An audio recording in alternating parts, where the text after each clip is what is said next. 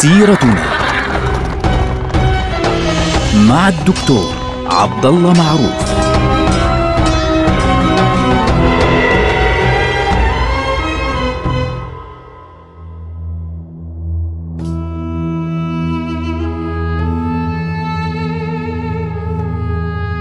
السلام عليكم ورحمة الله وبركاته. سيرتنا سيرة هذه الأمة العظيمة ونحن الآن في عهد صعب هو آه، عهد الضعف العباسي.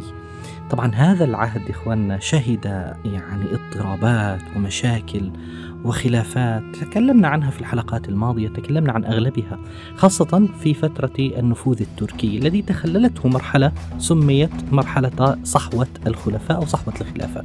لكن بعد نهاية مرحلة صحوة الخلافة عاد مرة أخرى الأمر إلى ما كان عليه خاصة مع ظهور منصب أمير الأمراء الذي عندما ظهر يعني كانت النتيجة أن الترك الذين كانوا قادة الجيش اختلفوا عليه وتصارعوا عليه هم والولاة المختلفون الوالي من هون والوالي من هناك. وكان من استلمه في ذلك الوقت كان توزون آه، أمير الأمراء الذي بوفاته فعليا كان استلم الأمر من بعده ولده.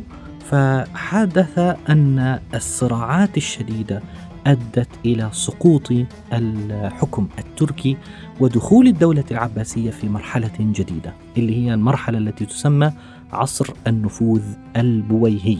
من هم البويهيون؟ وشو قصتهم هذول الناس؟ طبعا البويهيون إخواننا يعودون في آه، تاريخهم وفي اسمهم أصلا كعائلة يعودون إلى آه، علي ابن شجاع ابن بويه.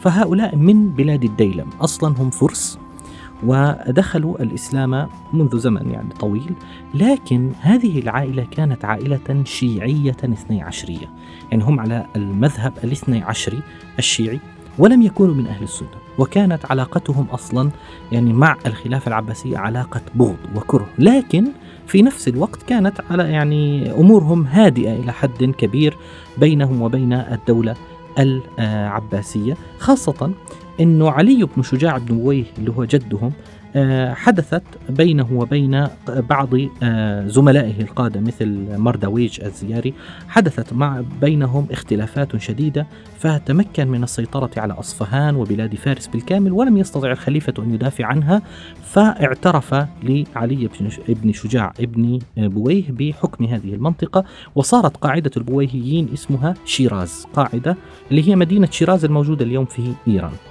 طبعا آه، أخو آه، علي بن شجاع بن بويه اللي هو الحسن سيطر على منطقة الجبال وأخوه الآخر اللي هو أحمد آه، بسط نفوذه على منطقة خوزستان وعلى منطقة كرمان وكان منفذه مباشرة على العراق. فبالتالي عندهم ثلاث دول متفقة مع بعضها البعض ولكنها يعني بشكل ما منفصلة إلى حد يعني بعيد. هذه المرحلة في العراق كانت مرحلة مضطربة جدا مع آه، ضعف الأمراء الأتراك آه، الصراعات الشديدة فيما بينهم خاصة توزون اللي هو أمير الأمراء.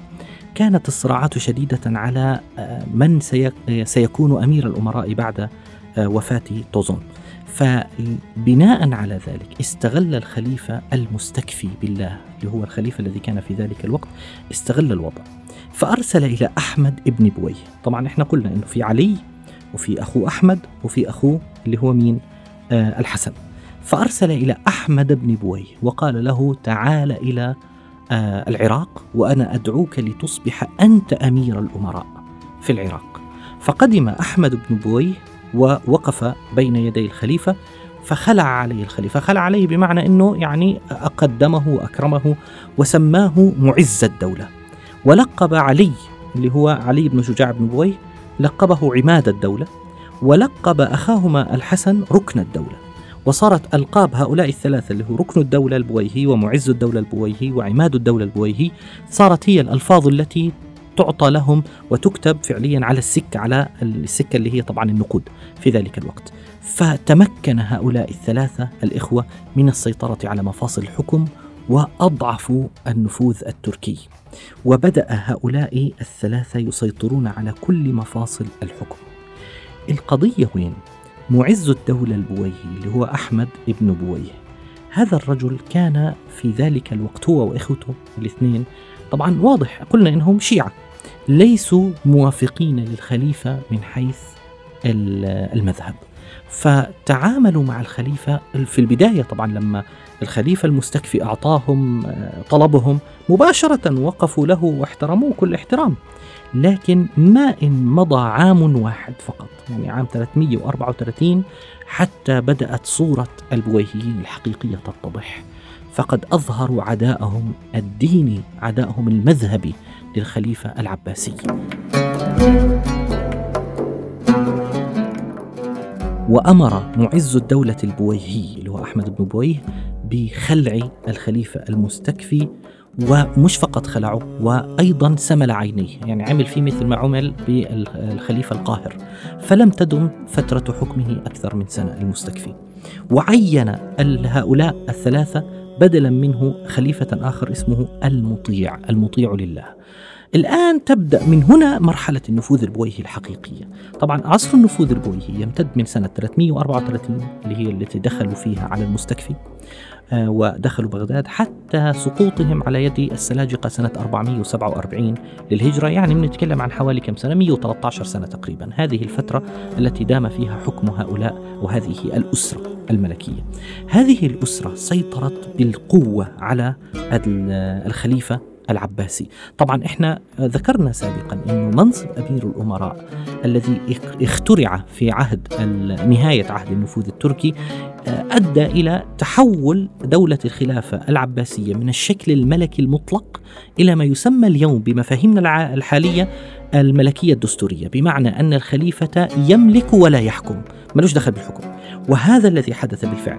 لذلك إحنا في هاي ال 113 سنة لم يكن الخلفاء يتعاقبون في فترات قصيرة مثل عهد النفوذ التركي. في عهد النفوذ التركي عندنا يعني فترة قصيرة جدا اللي هي حوالي 100 سنة امتد فيها عدد كبير من الخلفاء. لكن عهد النفوذ البويهي لم يكن فيه اللي هو 113 سنة أكثر من خمسة خلفاء.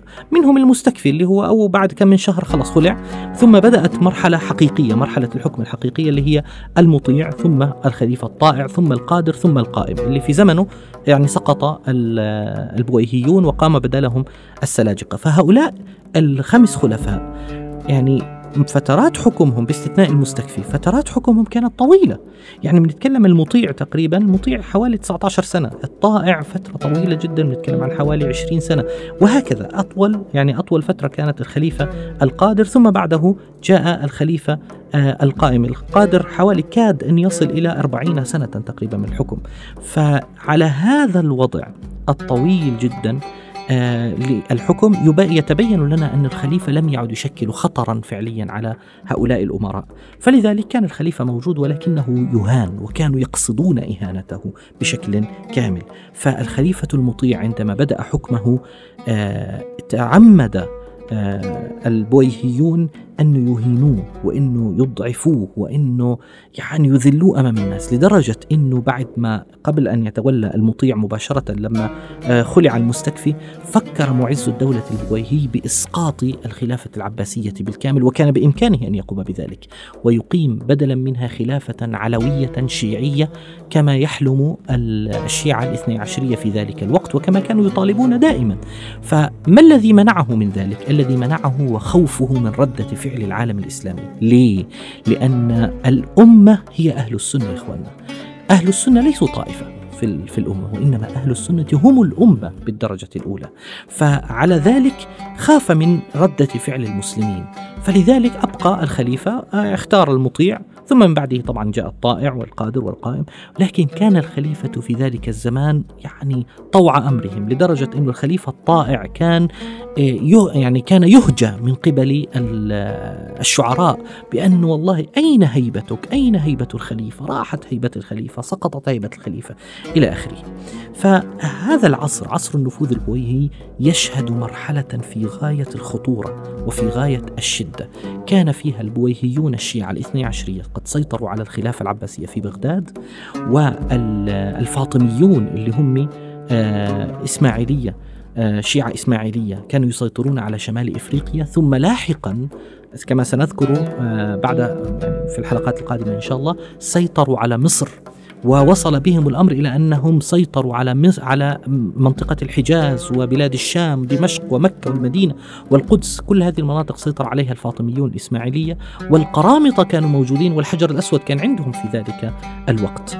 كان الحجر الأسود موجود عندهم حتى عهد الخليفة المنصور خليفة الفاطمي المنصور. طبعا في نفس الفترة التي كان فيها الخليفة المطيع كان في منطقة آه، بلاد آه، شمال إفريقيا في القيروان وفي تونس كان قد مات الخليفة عبيد الله المهدي اللي هو الأول. كان قد مات منذ فترة وكان هناك الخليفة القائم من بعده وكان آه، يعني مسيئا جدا للنبي صلى الله عليه وسلم ومسيئا للصحابة. ثم كان قد مات في عهد البويهيين في نفس عهد الخليفة المطيع وقام من بعده آه، ابنه المنصور. وهذا المنصور أرسل إلى القرامطة يتشفع عندهم. أنه والله لو سمحتوا رجعوا الحجر الأسود. فلأنهم على نفس المذهب تقريبا يعني كلهم باطنية المذهب. وافق القرامطة وأعيد الحجر الأسود في سنة 339 للهجرة إلى موضعه وجعل له طوق من الفضة يشد به لأنه كان قد كسر. للأسف الشديد. يعني هو حتى اليوم بهذا الشكل. وفي نفس الوقت كانت ضربات الفاطميين تضرب بكل قوتها ضد مصر. يحاول الفاطميون أن يسيطروا على مصر بكل قوتهم لكنهم لم يستطيعوا أن يسيطروا على مصر حتى وفاة كافور الإخشيدي اللي هو آخر ملوك الإخشيديين يعني للأسف الرجل طبعا آه، كافور الأخشيدي في زمنه كان آه، الحمدانيون في آه، منطقة حلب وكان الأخشيدي طبعا كافور الأخشيدي هو سني لكن الحمدانيون كانوا علوية. ففي زمنه كان موجود المتنبي المعروف الشاعر العظيم المعروف كان في ذلك الزمن. وعلى فكرة المتنبي كثير من الناس لا يعرف أنه كان علويا.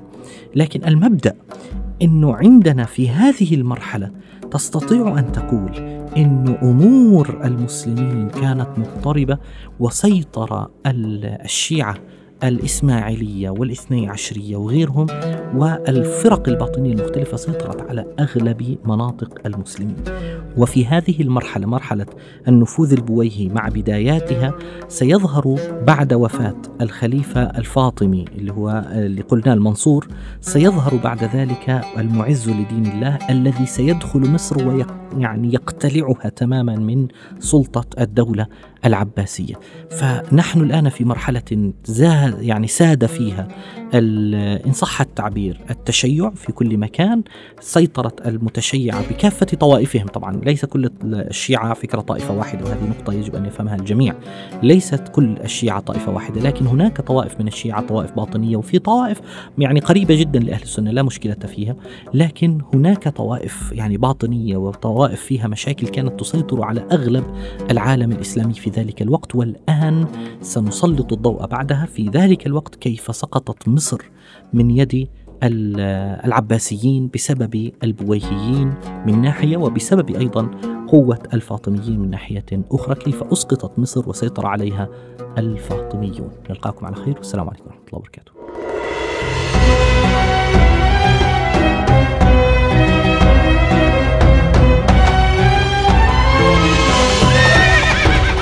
سيرتنا